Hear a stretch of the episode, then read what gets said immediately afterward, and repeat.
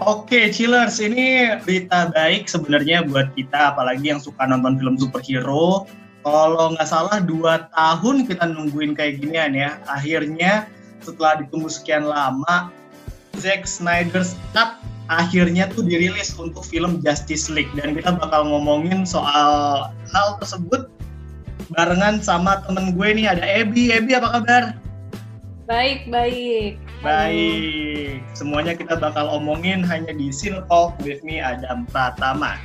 Jadi Ebi ini dia juga kontributor, dia nulis beberapa artikel review most of them atau semuanya ya kali ya. Semuanya itu adalah film-filmnya DC. Mulai dari Justice League lo yang review kan? Iya, kalau nggak hmm. salah gue juga review itu ya, Batman versus Superman. Batman Superman, Wonder Woman, dia juga yang review sama apa sih Suicide Squad juga lo yang review singkat gue hmm. jadi Abby itu emang suka sama DC ya. Dan sekarang kita mau tanya-tanya langsung sama Abby mengenai si Snyder's Cut ini ya. Nah jadi awalnya mungkin mesti flashback dulu ketika Justice League dirilis. Itu menurut gue sih ini film kalau menurut gue ya Bi ya. Mm-hmm. prematur karena belum semua hero-nya tuh punya standalone movie sendiri. Bahkan si Aquaman kan belum belum ada gitu ya filmnya. James Wan belum masuk. Nah kalau menurut lo gimana waktu itu? Ketika lo tahu ini bakal ada film Justice League? Nah yang gue tahu sih pasti DC mereka pengennya beda ya sama Marvel. Mereka udah punya plan sendiri nih. Mereka mau bikin oke okay, gue keluarin dulu deh film yang langsung segambreng gitu satu grup oke okay. terus baru satu nah itu sebenarnya plannya sih nggak apa-apa cuman ada masalahnya ini jadi spesifik buat orang-orang yang akhirnya cuma tahu nih karakter yang udah tahu superhero superhero ini gitu loh mm-hmm. kan lo mhm. pengen lo kalau bikin film lo pengen cater juga kepada orang-orang yang awam dong yes yang nggak ngerti sedangkan dengan keluarnya Justice League mm-hmm. bukan prematur sih lebih kayak orang nggak mudeng nggak ngerti. Hmm. nggak ngerti gitu kan kayak ini siapa? Ini baru keluar. Lo juga baru kenal Superman. Mendadak ada Batman. Oke sih tahu. Tapi kayak dalam konteksnya Snyder ini Batman yang kayak apa? Ini Wonder Woman yang kayak apa? Orang-orang nggak tahu digabung. Terus makin bingung gitu loh. Jadi kayak hah? I see mendadak nongol aja. Jadi kayak ini gak sih uh, memang kalau film itu kan balik lagi ke siapa yang jadi sutradaranya gitu ya. Uh, tadi lo bilang oke okay, gue tahu Batman gue tahu Superman gue tahu Wonder Woman gitu. Atau mungkin The Flash kan cuman di sini karakter-karakter tersebut diinterpretasiin dari palanya si Snyder Snyder. gitu ya. Oh. Itu beda ya? Kenapa? Itu bakal beda emangnya pasti bakalan beda ya kan Snyder dia punya setiap sutradara pasti kalau ngambil film superhero in general ya pasti mereka hmm. pengen keluarin karakterisasi dari dari otaknya mereka sendiri gitu how they take the character kayak gimana kayak misalnya kita coba lihat dari Nolan punya Batman jauh lebih gritty gitu loh dibanding dengan Batmannya Snyder Batmannya okay. Snyder no, jauh kayak lebih kelihatan oh iya dia masih baik nih sama Barry Allen dia masih nice gitu loh sama orang. Sedangkan mungkin Batman-nya si Nolan lebih brooding dia lebih sendiri dia lebih kelihatan kayak I work alone gue lihat di trailernya aja si Batman-nya Ben Affleck itu bisa ngelucu ya. Tapi ada ininya ya berarti kalau menurut lo ada ada resikonya berarti ya sebenarnya. Ya. karena orang-orang jadi kayak mereka masih biasa dengan Batman yang ini kan keluar Batman yang sebelum kan Batman yang Nolan kan orang-orang hafalnya yang tahunnya yang itu yes. sedangkan ini tiba-tiba lo keluarin Batman baru yang bisa ngelucu yang lebih kelihatan si sif apa kayak sifat Bruce Wayne-nya lah yang playboy entrepreneur um, orang kaya selengean gak jelas gitu dan hmm. orang-orang hmm. bingung kayak hah ini kan beda Nah ini dan kalau udah lanjur rilis gitu ya entah itu prematur atau enggak atau kita seperti apa ngelihatnya karena ini dari visi yang berbeda ada dibanding Nolan punya di sini lo di reviewnya nulis bahwa Snyder masih hobi mengulang kesalahan yang sama. Terdapat banyak kejanggalan cerita dan disajikan terburu-buru. Boleh dikasih tahu nggak sih? Iya. Yeah. part mana aja di mana lo ngerasa uh, seperti itu gue ngerasa tuh part dari pacingnya Justice League ini aneh ya. Hmm. Men personally menurut gue tuh aneh. Dari yang kayak tiba-tiba banget lo dari awal aja udah deg-degan gitu loh dengan ada yang Wonder Woman mendadak harus nyelamatin orang-orang di tengah ada mau mau dibom lah gue lupa gitu. Okay. Itu kan udah deg-degan ya lo baru masuk nggak ada build up sama sekali tiba-tiba door. Hah? Kaget. Terus oke okay, lu kira ya udah deh. Ini terus tiba-tiba langsung ganti scene kepada Batman nyari Aquaman. Pacingnya tuh alurnya kayak naik turun naik turun. Lo kayak di bawah roller coaster nggak ada yang kayak gimana ya? Kurang gripping aja gitu kalau menurut gue. Oh kurang ini kurang iya. dijahit? Kurang dijahit benar. Hmm oke. Okay. terus ada lagi nggak part yang lain selain itu sehingga lo ngerasa ini uh, apa banget sih ini ceritanya gitu atau alurnya nah menurut gue juga mereka karakter-karakternya ini member-member hmm. Justice League kurang dikasih kurang dibikin in depth menurut gue oke okay. mereka kurang dikasih semacam ada background apalah yang a purpose mungkin semacam yang bisa bikin kita relate gitu loh yang mereka nggak two dimensional character sedangkan yang kita lihat pasti Justice League mereka rada ya rada-rada dua dimensi cuman ah. dikasih snippets background hidupnya tapi nggak dikasih jelas driving force alasan kenapa akhirnya mereka bikin Justice League hmm. mereka cuma ngumpul aja oke okay, ada bad guy tapi terus ini berarti emang karena ini kali ya kalau gue rasa karena ambisinya DC pengen beda dari Marvel gitu ya, ya kali jadi pengen beda jadi kayak sorry gue potong kayak langsung dilempar aja udah mm-hmm. terus bisa mereka jalan Iya iya iya, gue juga berpikirnya seperti itu sih. Jadi jadi downside sendiri buat cerita yeah. filmnya ya. Apa sedangkan ini karakter-karakternya ini sangat kaya dengan rich in background gitu loh. Lo kalau mau dikupas lagi tuh boleh, Superman. Iya kan? Let's take Superman deh. Ini lu bayangin dia alien tapi dia lebih manusia dibanding semuanya. Karena dia besar sebagai manusia. Dia masuk sekolah negeri dia kerja kantoran. Iya, iya. kurang manusia apa nih orang Cuman bedanya adalah ya dia punya super power ya ternyata dia alien. Oke, itu buat karakter yang orang semua pada tahu. Let's yeah. say or let's talk about cyborg maybe. Nah. Dia gimana tuh? Nah, itu menurut gue juga kayak masih terlalu kecepatan dan bolong. Plot hmm. holes-nya lo nggak dijelasin itu kalau di awal kayak dia kenapa sih bisa jadi cyborg? Kenapa dia kesel sama bapaknya? Kok tiba-tiba pas dia kesal sama bapaknya dia tahu bapaknya jual kok dia malah mau nyari bapaknya? Terus kayak hmm. hah? Oke jadi banyak yang rumpang ya dan kayak karakter karakter belum terkenal ya. justru itu jadi senjata makan tuan ya. Orang jadi kayak bukannya excited jadi malah. bertanya-tanya lagi ya. Iya malah bingung malah bingung. Oke. Okay. Nah, itu itu soal downside-nya mungkin dari Justice League atau poin negatifnya. Cuman ada lagi hal menarik lain nih yang lo tulis di review lo.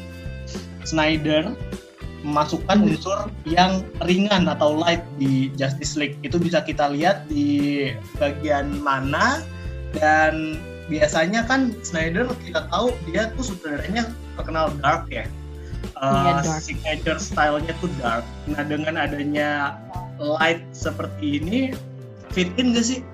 Unsur light kalau ngomong dari Justice League ya, mm-hmm. unsur lightnya di film itu ya menurut gue. Yes. Jadi gimana ya? Jadi kayak humor dipaksa. Ah, oke. Ada maksa. Kayak ya nggak apa-apa sih sebenarnya kayak Barry Allen dengan adanya dia um, ngelucu dengan segala one-liner one-linernya dia. Terus juga Arthur si Aquaman dibikin lebih nggak yang tradisional Aquaman yang kita tahu dari komik-komik gitu yang kayak ya datar biasa aja. Dibikin jadi kayak sedikit rada terlihat kayak metalhead gitu. Terus Oke. sarkas lah. Mhm. lumayan. Cuman dia kayak kurang sebenarnya nih unsur lighthearted itu bisa banget buat jadi bensin darknessnya si Zack Snyder Oke. untuk hal-hal yang dark karena kayak yang gue lihat ya orang nih suka dimainin kadang-kadang lu kalau nonton apalah lu kayak pengen ngelihat ada yang bahagia-bahagia dikit baru lu slow into the angst gitu loh Oke. Cuman masalahnya Zack Snyder yang gue lihat dia terlalu absolut dari film yang ini. Gue, again gue agak bingung sih ini. Sebelum gue kayak bikin waktu itu sebelum gue tahu bahwa ada campur tangan Whedon, Joss Whedon. Heeh. Jadi kayaknya menurut gue ini light heartednya ini dari campur tangannya si Joss. Sedangkan Zack Snyder tuh ya itu terlalu absolut. Kocaknya harus kocak, intens ya intens banget Mhm. nggak ada nggak ada apa sih namanya kontrasnya gitu loh nggak ada Oke. gradasi sorry Tapi selain humor yang ternyata menurut lo maksa atau unsur light yang ternyata menurut lo maksa, hal maksa lainnya yang gue temukan di review lo ada lo nulis CGI-nya.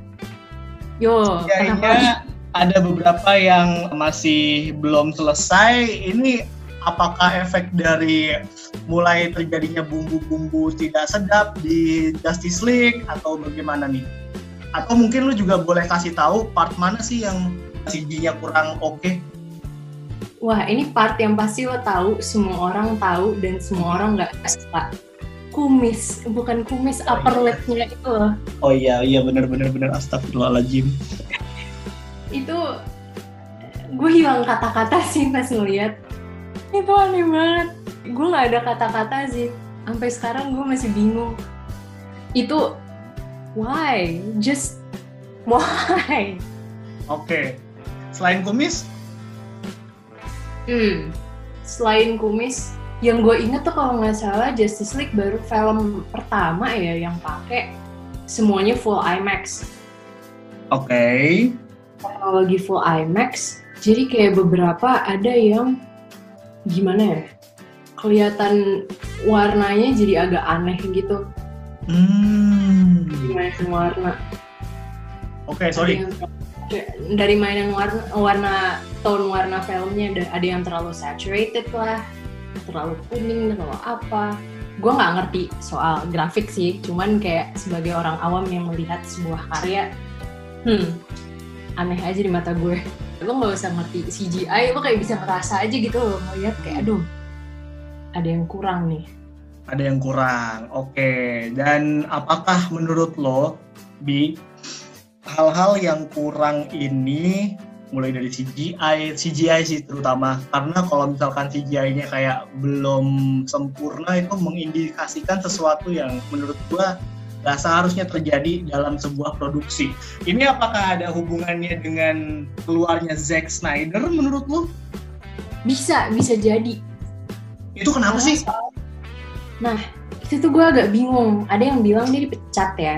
Mhm. Ada yang juga itu setahun dari sebelum akhirnya di announce bahwa dia step down jadi director.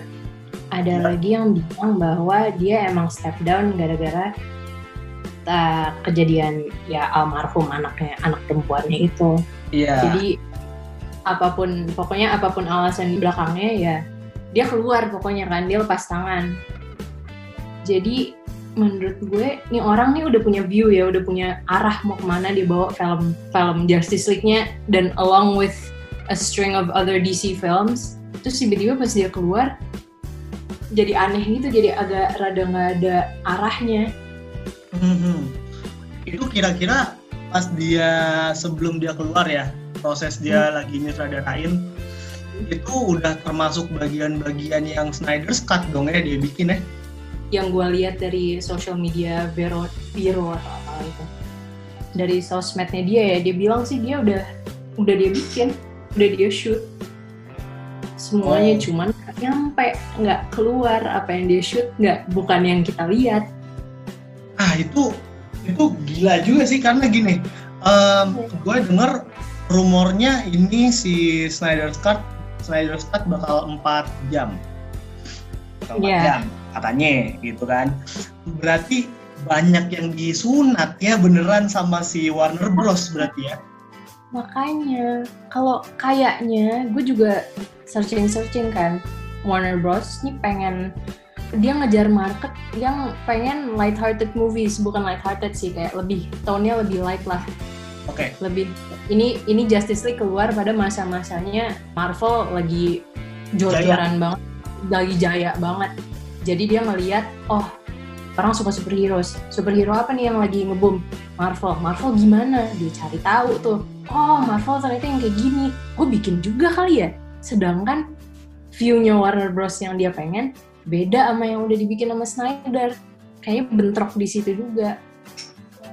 Gimana pun cerita background dalam belakang sana gimana akhirnya Snyder keluar jadi aneh deh tuh Belum lagi tadi ada yang lu bilang campur tangannya Wedon ya kan? Ih, Aduh. Lo tau gak ini kayak kita ngomongin Justice League lagi balik ke zaman kegelapan. asli. karena mereka sampai sekarang arahnya masih nggak jelas yang gue Oh. lihat ya Hmm. Dari dulu gue inget banget tuh nge-review juga mereka bilang mereka udah punya plan untuk sampai tahun sekarang 2022 malah mereka bilang oke tahun 2020 nanti keluar Aquaman 2 atau apa gitu atau Justice League kedua pokoknya Oke. udah deh keluar ada serangkaian film-film yang mereka udah pengen keluarin dan Hmm. apakah ada yang keluar nggak ada Banyak banget shifting ya. parah Dan sekarang aja lah, lu tahu sendiri kan Robert Pattinson di cast sebagai Batman dan di Ben Affleck. dari pertamanya yang kita kiranya tuh masih satu universe gitu loh Iya. masih Ben Affleck kan loh kok tiba-tiba Robert Pattinson Hmm. Gue dengan Robert Pattinson I think he's a great actor cuman masalahnya adalah orang jadi bingung kan lo timeline yang mana sih ini jadinya Mhm. ini universe yang mana and it doesn't help ketika DC dengan cara penyelamatan dan explanationnya bilang bahwa oh ya semua timeline dan semua alternate universe gue itu canon. Itu sebenarnya benar terjadi nggak ada yang satu universe tertentu. Jadi orang-orang makin bingung tapi tetap aja gue pengen tahu kalau yang bagian movie itu yang mana alahnya. Apakah Robert Pattinson ini masih di satu universe sama Margot Robbie punya Harley Quinn atau Diana Wonder Woman-nya Gal Gadot? Soalnya kan ganti orangnya Ganti, iya untuk Batman ya. Yoi. Gila itu ngeri juga sih, ngeri-ngeri sedap itu gimana cara, iya tadi lu bilang timeline-nya itu disatuin ya. Karena kalau udah penentuan aktor, penentuan sutradara itu pasti kalau kata gue ada campur tangan WB. Dan setelah kita tahu si Snyder Cut-nya keluar ya kan, Hmm? alasannya yang kita tahu kan karena anaknya ya, Iya. Cuman nggak tahu apakah ada di balik itu kita harap sih nggak ada. Cuman setelah Justice League ri- rilis kayaknya mulai dari dua tahun lalu itu udah ada yang suka bilang rilis The Snyder Cut. Waduh. Nah, iya. ini awalnya setahu lu gimana bisa terjadi? Setahu gue itu gara-gara munculnya ya itu dia di so- social media Vero itu Zack Snyder mulai suka ngepost foto-foto behind the scenes yang pas fans cari tahu ini kok nggak sesuai dengan apa yang di shot yang kok ini beda. Nah kan terus juga dia ngeluarin storyboard storyboard yang nggak pernah jadi yang nggak muncul di hasil akhir. Dan kan kayak orang-orang bingung hah ini apaan? Is this a deleted scene? Tapi kalau deleted scene mestinya keluar dong pas yang mereka ngeluarin DVD Blu-ray apa segala macam sedangkan enggak. Lah di DVD Blu-ray kagak ada? Kalau nggak salah beberapa ada yang nggak ada deh. Buset. Serius lu kalau nggak salah kayak konon katanya ada Green Lantern lah, ada Atom lah, ada segala macem itu kan nggak ada. Gue ngeceknya juga extended cut lu mana? Ya kalau misalkan disangkut pautin dengan isu katanya nanti Zack Snyder cut 4 jam ya Atom Green Lantern lalala ye ye ye bisa aja masuk sih 4 jam. Gue gue mikir lagi, gue gue berdoa sih kalau itu. ya, itu awalnya, awalnya tapi dari situ ya? Awalnya dari situ, jadi kayak fans ngeliat, hmm ini kok beda. Terus banyak yang nanya gitu kan yang kayak, kok lo nggak masukin ini di film? Apakah ini lo udah lo udah shoot bukan sih scene yang lo udah gambar-gambarin ini? Terus dia bilang udah kok gue udah shoot. Ini deleted scene bukan. Hah? Jadi apa dong? Wow. Akhirnya orang-orang pada bilang wah ini pasti hasilnya Bapak Snyder beda nih sama yang keluar di bioskop. Ya udah deh kita pelompori hashtag release the Snyder Cut. Berarti itu awalnya dari fans? Dari fans sih sebenarnya. Karena ja, yang gue lihat Zack Snyder sendiri dia nggak pernah keluarin gitu loh yang kayak explicitly bilang bahwa eh keluarin dong gue punya cut. Beda loh. Waduh. But it is implied dari post-postnya bahwa yang dia bikin tuh beda sama yang keluar mungkin si Snyder udah tis-tis gitu kali tapi dia so jual mahal kali bi ya gue gak ngerti lah tuh ma taktik marketingnya dia Gila. Soalnya gini, ketika lu diopres sama sesuatu yang punya power lebih Yoi. besar daripada lu, lebih Warner Brothers. Hmm, uh -huh. Lu akan menggunakan power of people, coy. oh, iya pastinya, lu nggak bisa guleng yang gede, lu cari masa pasti kan. Kita nggak tahu maksud sebenarnya dari Zack Snyder memposting itu banyak hitungannya bi. Banyak banget. Banget. Dan banyak. Gila. Kayak let's say 70% yang dia post rata-rata itu deh. Orang-orang kan jadi akhirnya bahwa berarti banyak dong yang dia post sampai orang berani ngeluarin tuh hashtag dan percaya banget banget percaya bahwa ada Snyder Cut. Dan beneran kejadian. Beneran kejadian. Itu juga dibantu kayaknya gara-gara si siapa tuh pemainnya Stephen Wolf juga Aduh. pernah di interview. Si Siaran Siaran Hins gue takut salah pronounce namanya. Mm-hmm.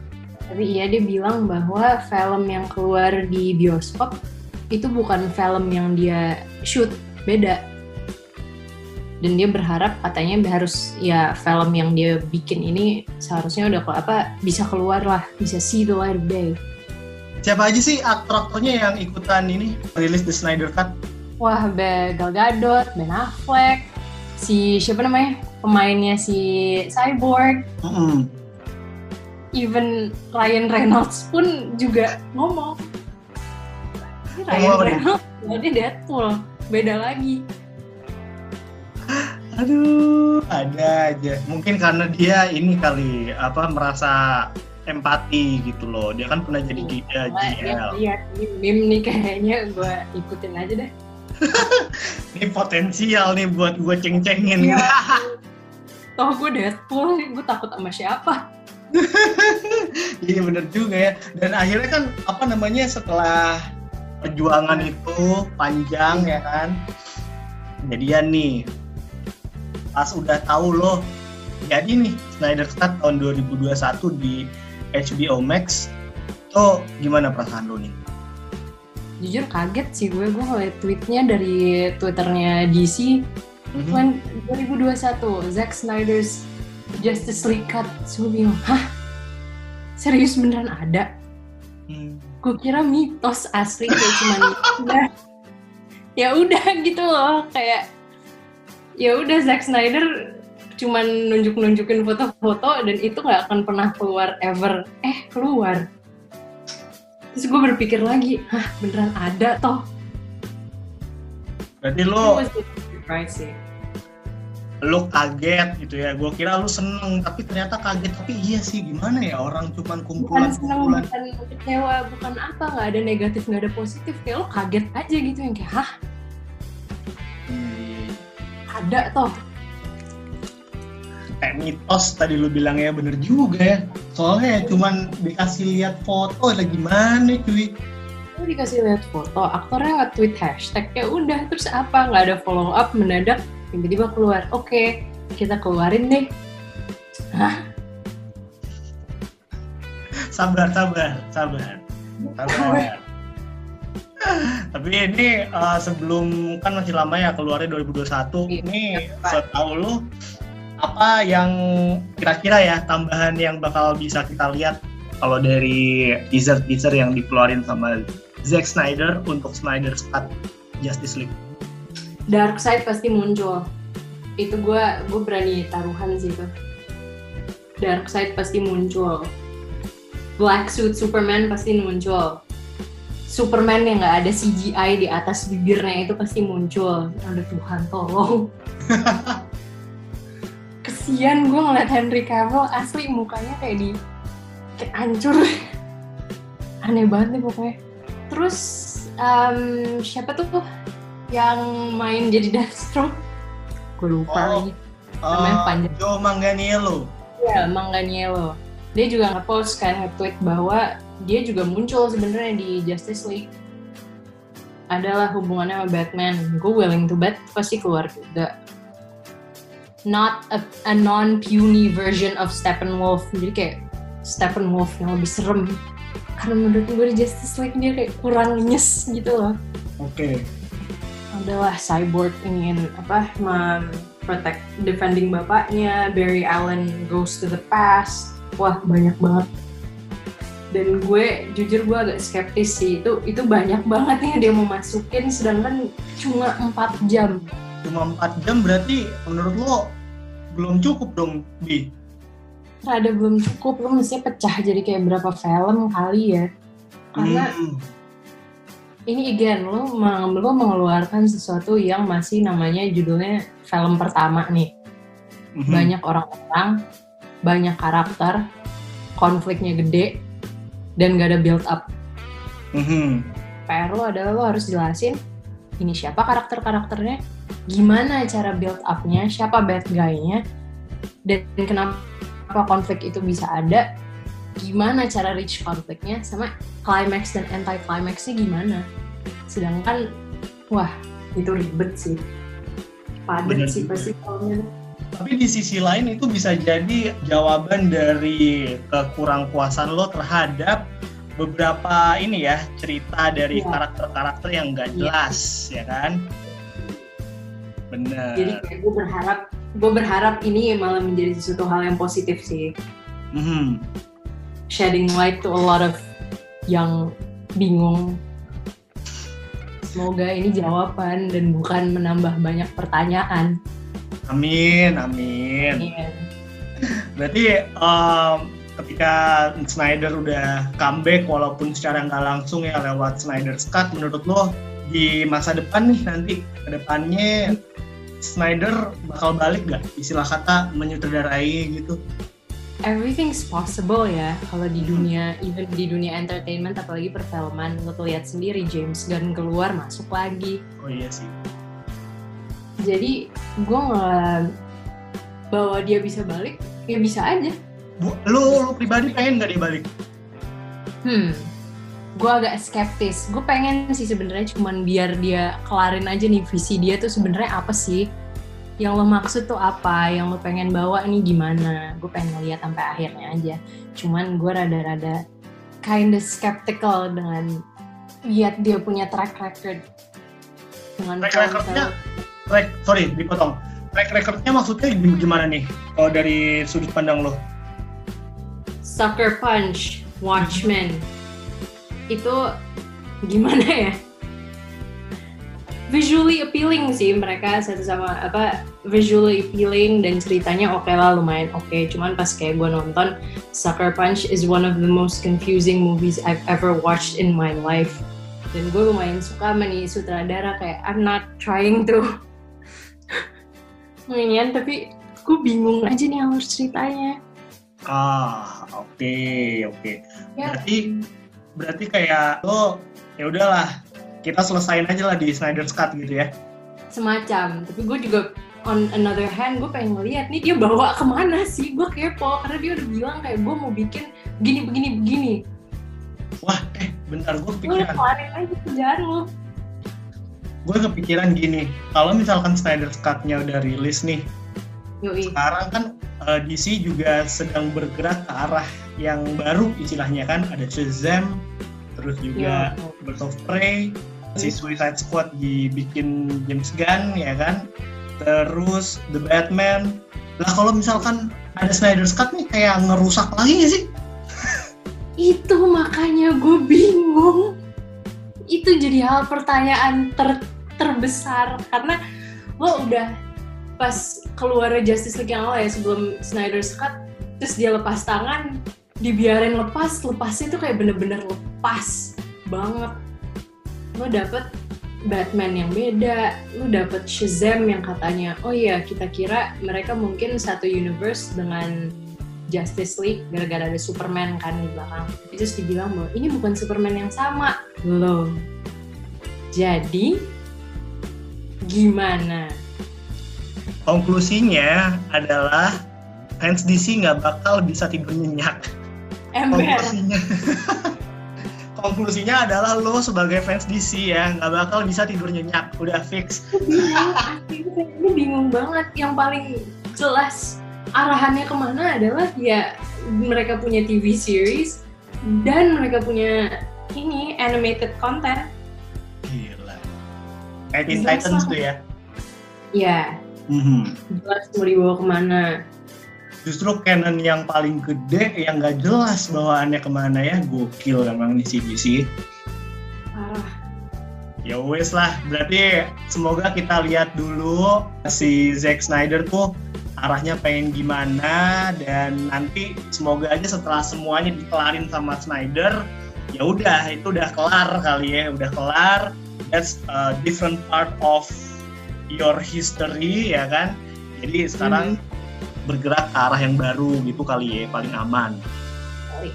Gue I'm hoping I'm hoping he'll prove me wrong juga sih bahwa skeptik kayak my skepticism akhirnya dia buktiin salah. Akhirnya dia bikin sesuatu yang bagus atau lebih terarah lah. Oke deh. Batman-nya dimatiin si Ben Affleck. Bisa loh. Bisa asli. Itu ada wah. Jadi tidak perlu ada dualisme lagi lah antara Batman itu si Ben Affleck dan Robert Pattinson itulah ya. yoi. Bisa aja mereka tiba-tiba bikin flashpoint paradox kan. Waduh. Untuk meluruskan semuanya dia pakai flash. iya dia pakai flash flash nih yang merusak dan meluruskan segala macem Oke deh, wah ini pasti bakal seru banget. Masih satu tahun ke depan kita nungguin kayak gimana Snyder's Cut. By the way, thank you banget ya Bi udah ngobrol-ngobrol bareng sama Cinetalk pada hari ini. Sukses terus ya buat kerjaan lo. thank you thank you lo juga Yoi. Thank you Bi, bye. bye